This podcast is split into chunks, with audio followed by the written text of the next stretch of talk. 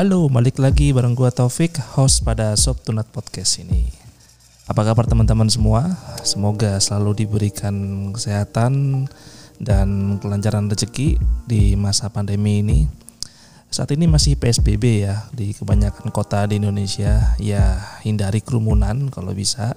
Jika harus keluar ya seperlunya aja, pakai masker, jaga jarak dan sering-sering mencuci tangan uh, membuat kesibukan sendiri di rumah juga. Itu satu hal yang gue lakukan.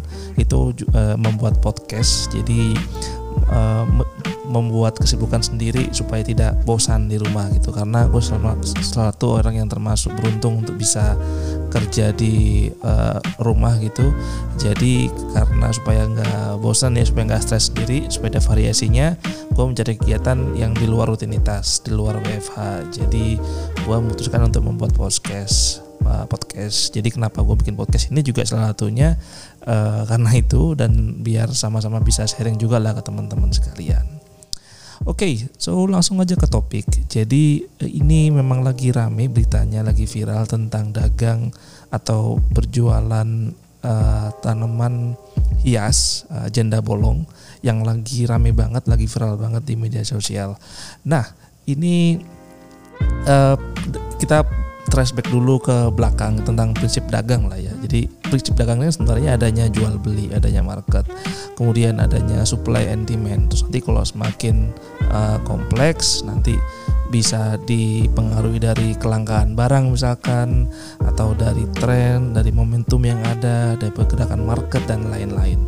Nah, sehingga muncullah sentimen-sentimen yang bisa mempengaruhi supply and demand, supply and demand tersebut, termasuk mempengaruhi harga.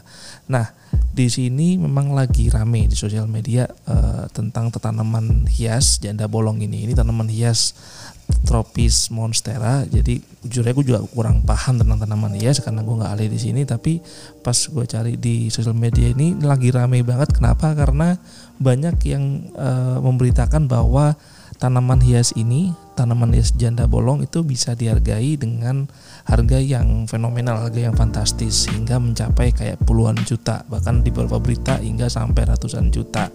Bahkan secara umum harga tanaman hias pun walaupun bukan tipe yang janda bolong ini juga memang lagi e, naik dengan nominal juga yang enggak sedikit. Nah ini satu hal yang ya, e, unik ya karena ini kayak gue lihat kayak bisnis musiman, bisnis musiman yang e, terjadi karena tren pada pada masa ini gitu. Jika masa ini trennya lagi uh, tanaman hias terus tiba-tiba naik gitu aja. Nah, uh, akhirnya banyak yang banyak yang apa ya, ya rame di situ banyak yang komen juga. Jadi gue melihat bahwa ini uh, sama seperti bisnis-bisnis pada sebelum-sebelumnya juga. Misalkan ada contohkan yang uh, dulu pernah terjadi kayak uh, lagi musim batu aki misalkan. Itu juga juga kayak uh, bisnis musiman yang saat itu lagi rame banget. Semua orang nyari batu terus kemudian diasah atau diapain lah. Pokoknya menjadi hal yang berharga akhirnya dijual dengan harga mahal. Sekarang kayaknya juga udah jarang ya yang yang yang um, komen tentang batu aki lagi gitu atau rame lagi tentang batu aki. Jadi udah nggak lagi rame mungkin hanya orang-orang tertentu aja yang hobi yang punya um, uh, apa namanya ya yang punya koleksi pengen koleksi ke sana ya oke itu hal yang beda lagi yaitu mungkin hobi dan memang kesukaan untuk sebagai kolektor. Tapi ini kalau misalkan hanya untuk kebutuhan standar ini nggak lagi um, apa namanya nggak nggak terlalu apa ya harganya nih jadi nggak make sense hanya untuk kebutuhan standar. Sama kayak tanaman ini harga yang fantastis itu jadi nggak make sense lagi kalau misalkan hanya dibuat menjadi tanaman hias di rumah gitu dengan harga yang fantastis. Nah, eh, tentang salah satu hal yang yang gue tangkap di sini mengenai eh, prinsip bisnis model seperti ini, ini mirip sekali dengan prinsip uh, monkey business atau bisnis monyet, monkey business. Cuman bedanya ini karena memang ikut tren. Cuman bisa jadi tren ini adalah hal yang diangkat oleh beberapa uh, orang sehingga menjadi tren sehingga harganya melejit ke atas dan bisa mendapat keuntungan dari situ. Jadi monkey bisnis secara kalau diartikan secara harfiah lah ya ini uh, bisnis yang menitik beratkan kepada apa ya sikap monyet pada umumnya itu. Jadi kalau misalkan monyet ini kan kalau misalkan dikasih makan, dikasih keuntungan dia makan dia langsung ambil aja terus di- apa dia eh, monyetnya langsung langsung lari gitu jadi nggak nggak nggak apa set- setelah dapat keuntungan setelah dapat apa yang dia mau dia langsung kabur. Jadi itu eh, prinsip secara harfiah monkey business.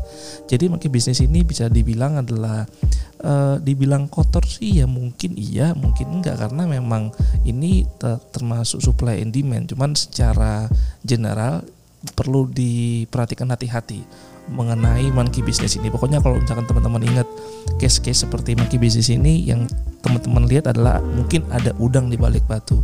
Teman-teman harus harus melihat lagi lebih dalam seperti apa bisnis yang sekarang gitu. Sama kayak misalkan sekarang beli tanaman hias, apakah perlu eh, keluar uang sebanyak itu puluhan juta hingga mungkin ratusan juta hanya untuk membeli tanaman hias janda bolong tersebut mungkin hanya ikuti tren ikutin eh, zaman dan segala macam tapi dipikirkan lagi apakah benar-benar diperlukan untuk spend money sebanyak itu terutama di masa yang uh, gue bilang saat ini lagi krisis ya itu. Jadi nggak nggak cuma kita di Indonesia tapi mungkin di negara lain yang nantinya juga kemungkinan kita akan masuk ke dalam definisi uh, resesi. Nah tentang cerita monkey business ini ini uh, memang ada ada storynya kenapa dibilang kayak monkey business. Jadi ini uh, apa namanya kita flashback lagi tentang monkey business kenapa disebut ini ini kayak gini. Jadi memang ada ceritanya. Jadi suatu hari misalkan ada seorang pengusaha seorang pengusaha yang kaya raya yang sudah sukses uh, dia sudah apa namanya sudah dapat uang banyak di kota dia memutuskan untuk mengembangkan bisnisnya di desa katakanlah. Dia datang ke desa terus dia mau mengumumkan bahwa dia akan beli uh, monyet akan beli monyet dengan harga katakanlah 50.000 per ekor. Nah, di desa situ uh, terkenal memang banyak monyet. Jadi warga-warga yang ada di desa tersebut memang uh, awalnya nggak terlalu mencari monyet atau nggak terlalu berburu monyet karena ya nggak ada yang mau membeli. Toh di sana juga banyak. Nah, karena adanya pengusaha ini, jadi warga di sana sekarang yang awalnya nggak ada niat untuk mencari monyet untuk menjadikan mata pencarian sekarang malah menjadikan mata pencarian. Mumpung ada yang mau beli nih gitu. Oke jadi semua warga um, apa lari ke hutan berburu monyet. Sekarang uh, pengusahanya sudah mendapatkan monyet yang dia uh, cari. Dia bayar memang sesuai janjinya 50.000 per ekor kepada uh, masyarakat yang membawanya uh, monyet. Kemudian karena di hutan tersebut sudah hampir habis ya monyet yang udah diburu dan sekarang menjadi langka menjadi langka karena semakin sulit dicari gitu di, di dalam satu periode tertentu. Sehingga penduduk desa pun juga uh, menghentikan usahanya untuk nangkapin monyet karena udah susah dicarinya udah butuh effort yang lebih gitu. Jadi nggak masuk lah gitu untuk hanya harga 50 ribu. Akhirnya si pengusaha ini menaikkan harga karena kelangkaan monyet tersebut dari 50 ribu menjadi 100 ribu. Nah karena naikin harga ini ini makin bikin warga tertarik. Waduh coba deh uh, apa namanya dicari lagi siapa tahu nemu nih gitu. Ada yang nemu beberapa tapi juga ada yang nggak nemu. Jadi sudah semakin jarang uh, monyet di sana karena sudah pada diburu sudah pada di, di uh, ditangkepin untuk dijual ke pengusaha tersebut. Sehingga makin langka ini sehingga harga semakin naik. Dari 100 ribu kemudian naik lagi 150 ribu kemudian 250 sampai pada akhirnya sampai ke nilai yang paling tinggi 500 ribu per ekor Nah, wah, sekarang si pengusaha menjual monyetnya dengan harga sangat-sangat tinggi, 10 kali lipat lebih tinggi daripada yang sebelumnya. Sebelumnya kan cuma 50 ribu per ekor, sekarang dijualnya 500 ribu per ekor.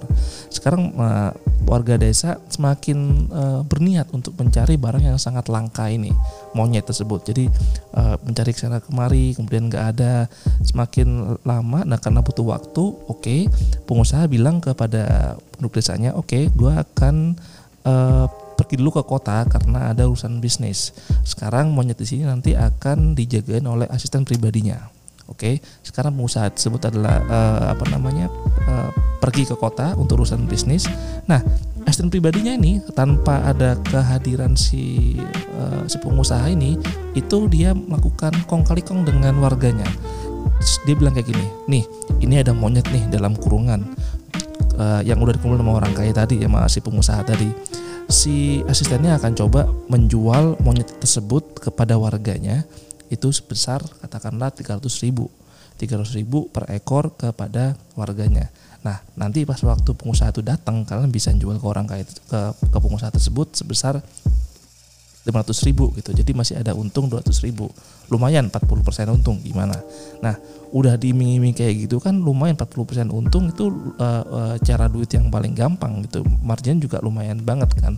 Akhirnya penduduk desa itu mencoba gimana caranya untuk bisa mendapetin duit 300 ribu hanya membeli satu monyet supaya ntar dijual lagi bisa jadi 500 ribu gitu. Ada yang bisa uh, ngumpulin duit tabungan ada yang mecahin celengan ada yang menjual aset misalkan dan lain lain sebagainya me, uh, mengumpulkan uang uh, untuk membeli monyetnya sehingga nanti ketika pengusaha datang bisa jual. Nah pas udah kayak gitu ternyata uh, uh, apa namanya dalam setelah waktu yang udah cukup lama si warganya nggak pernah lihat lagi pengusaha tersebut itu. Maksudnya nggak pernah balik lagi ke desanya.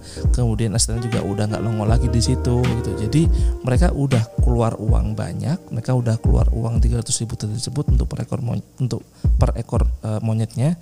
Dan mereka juga dapat monyetnya yang dianggap nggak berharga kan. Karena monyet buat apa sih? Itu juga nanti dia juga nggak bisa uh, membuat monyet ini uh, buat jadi uh, aset atau bisa bekerja gitu kan. Jadi nggak bisa itu. Jadi uh, mereka malah terjebak di dalam uh, kita bilang monkey bisnis ini gitu. Jadi mereka sudah keluar uang, kemudian dia niatnya untuk berjualan monyet tersebut, jadi malah nggak bisa karena uh, apa terjebak oleh oleh omongan atau iming-iming dari asisten tadi gitu yang pengennya dijual ke pengusaha. Jadi malahnya nggak nggak nggak kejadian. Nah ini memang sedikit berbeda. Uh, balik lagi ke case-nya yang tadi tentang tanaman hias janda bolong memang sedikit berbeda karena sebenarnya nggak ada uh, pengusaha yang bermain. Tapi bisa jadi bisa jadi emang ada ada uh, orang tertentu yang menaikkan harga ini menjadi sangat tinggi supaya nanti bisa terbeli supaya seolah-olah kayak apa seolah-olah kayak menjadi tren gitu ya. Sama kayak kemarin yang batu aki memang ada yang mengoleksi batu aki kemudian uh, ada yang di sampai dibikin nama batu kayak seperti ini dibikin kayak spek-spek tertentu supaya kelihatan wow gitu ya. Jadi uh, harganya akan semakin tinggi dan segala macam uh, mungkin ada yang seperti itu. Jadi pas yang yang nantinya nanti beli saat harga mahal kalau emang dia suka dan itu part of koleksinya dia juga oke okay, it's fine nggak apa-apa. Tapi kalau misalkan ini dianggap sebagai bentuk kayak uh, berdagang atau investasi ini jadi malah salah gitu. Ini bukan hal yang untuk investasi. Maksudnya teman-teman yang nanti melihat ini harganya bisa mahal, kemudian misalkan teman-teman melihat ini sebagai ladang untuk berjualan, kemudian teman-teman uh, harus membeli itu apa dari bibit kecil udah harga mahal, belum tentu nanti di waktu ke depan harganya akan sama seperti ini atau akan akan ada yang beli itu juga belum tentu gitu. Jadi hati-hati untuk sekarang pun untuk kayak berbisnis yang uh, prinsipnya musiman terus tiba-tiba harganya naik banget gitu. Jadi eh, nggak uh, nggak terlalu stabil naiknya dan dan kalau di, di, di logik aja udah nggak make sense. Uh, tanaman hias yang yang harganya bisa puluhan juta kecuali memang unik banget dan itu uh, bisa dijadikan sebagai koleksi uh, itu hal lain cerita ya. Itu uh, bilangnya sudah terlalu subjektif. Tapi kalau misalkan kita bilangnya untuk urusan uh, kayak kebutuhan pokok aja ini kan sebenarnya bukan kebutuhan pokok banget. Jadi nggak bisa dijadikan kayak acuan bisnis yang cukup sustain gitu. Jadi uh, menurut gua juga ini contoh-contoh klasik yang udah pernah kejadian kayak batu aki misalkan. Terus yang lagi dulu pernah pernah pernah booming juga kayak ikan ikan lohan ikan cupang juga. Itu kan pernah pernah booming juga di masanya gitu yang harganya sampai uh, mahal banget. Kemudian ada uh, burung burung lovebird yang yang apa namanya bisa bisa nyanyi bisa indah banget lah gitu. Jadi itu juga termasuk hal-hal yang uh, pernah naik di harga tinggi banget lah dan dan dan apa namanya uh, ini termasuk juga monkey business. Kemudian uh, arisan contohnya ini arisan yang tapi ini arisannya udah lebih ke fraud ya. Jadi kalau misalkan ada teman-teman ikut arisan terus kemudian di iming-imingi nanti akan dapat di masa ke depan. Ini termasuk trap juga kalian sudah keluar uang untuk beberapa bulan tapi ntar di ujung-ujungnya kalian malah nggak dapat itu atau malah nantinya uh, uangnya dibawa kabur ke, uh, uh, oleh orang yang bawa uang tersebut gitu. Jadi uh, ini hati-hati ini kayak monkey bisnis juga. Terus yang lagi booming kemarin tentang bisnis financial planning yang sudah ditutup sementara ini atau asuransi yang abal-abal juga itu juga termasuk uh, hal-hal yang kita yang gue anggap kayak monkey business. Jadi kalian sudah spend money di situ berharap ada return ke depan harinya apa di di kemudian hari tapi malah uh, tidak dapat dan dan uh, malah dibawa uh, dibawa kabur ya uangnya oleh oleh uh, pebisnis tersebut lah gitu. Nah, jadi menurut menurut gue saran untuk menghindari monkey bisnis ini yang pertama uh, harus pelajari produk dan bisnisnya secara baik-baik. Jadi apakah produk ini adalah ada real, apakah produknya dan bisnisnya ini merupakan yang bisa sustain gitu. Cari-cari yang yang inilah yang yang normal-normal aja lah gitu, yang produknya beneran komoditas dibutuhkan oleh semua orang, merupakan kebutuhan pokok gitu, nggak cuman sekedar kayak euforia aja gitu. Jadi cari yang benar-benar real, cari track recordnya gitu, produknya beneran ngasih value uh, tanpa sekedar hanya iming-iming gitu. Jadi memang ada baiknya selalu uh, berhati-hati, nggak mudah tergiur lah dengan segala hal yang tiba-tiba uh, meledak dalam waktu singkat itu sangat sangat di apa ya punya mindset untuk uh, stop dulu, pikirkan lagi apakah ini worth untuk dibeli atau enggak. Gitu. Jadi uh, buat teman-teman yang masih punya tanaman hias ini, ini kan karena lagi rame ya bagi teman-teman yang punya tanaman hias janda bolong mumpung masih ada momennya nih mumpung masih ada momennya mumpung lagi viral ini ya ini mungkin kesempatan lah teman-teman yang mau jual kalau memang masih berniat untuk jual gitu. Dan teman-teman yang mau mencari tanaman hias apa pun tipenya uh, gua saran sih nggak usah ikut tren.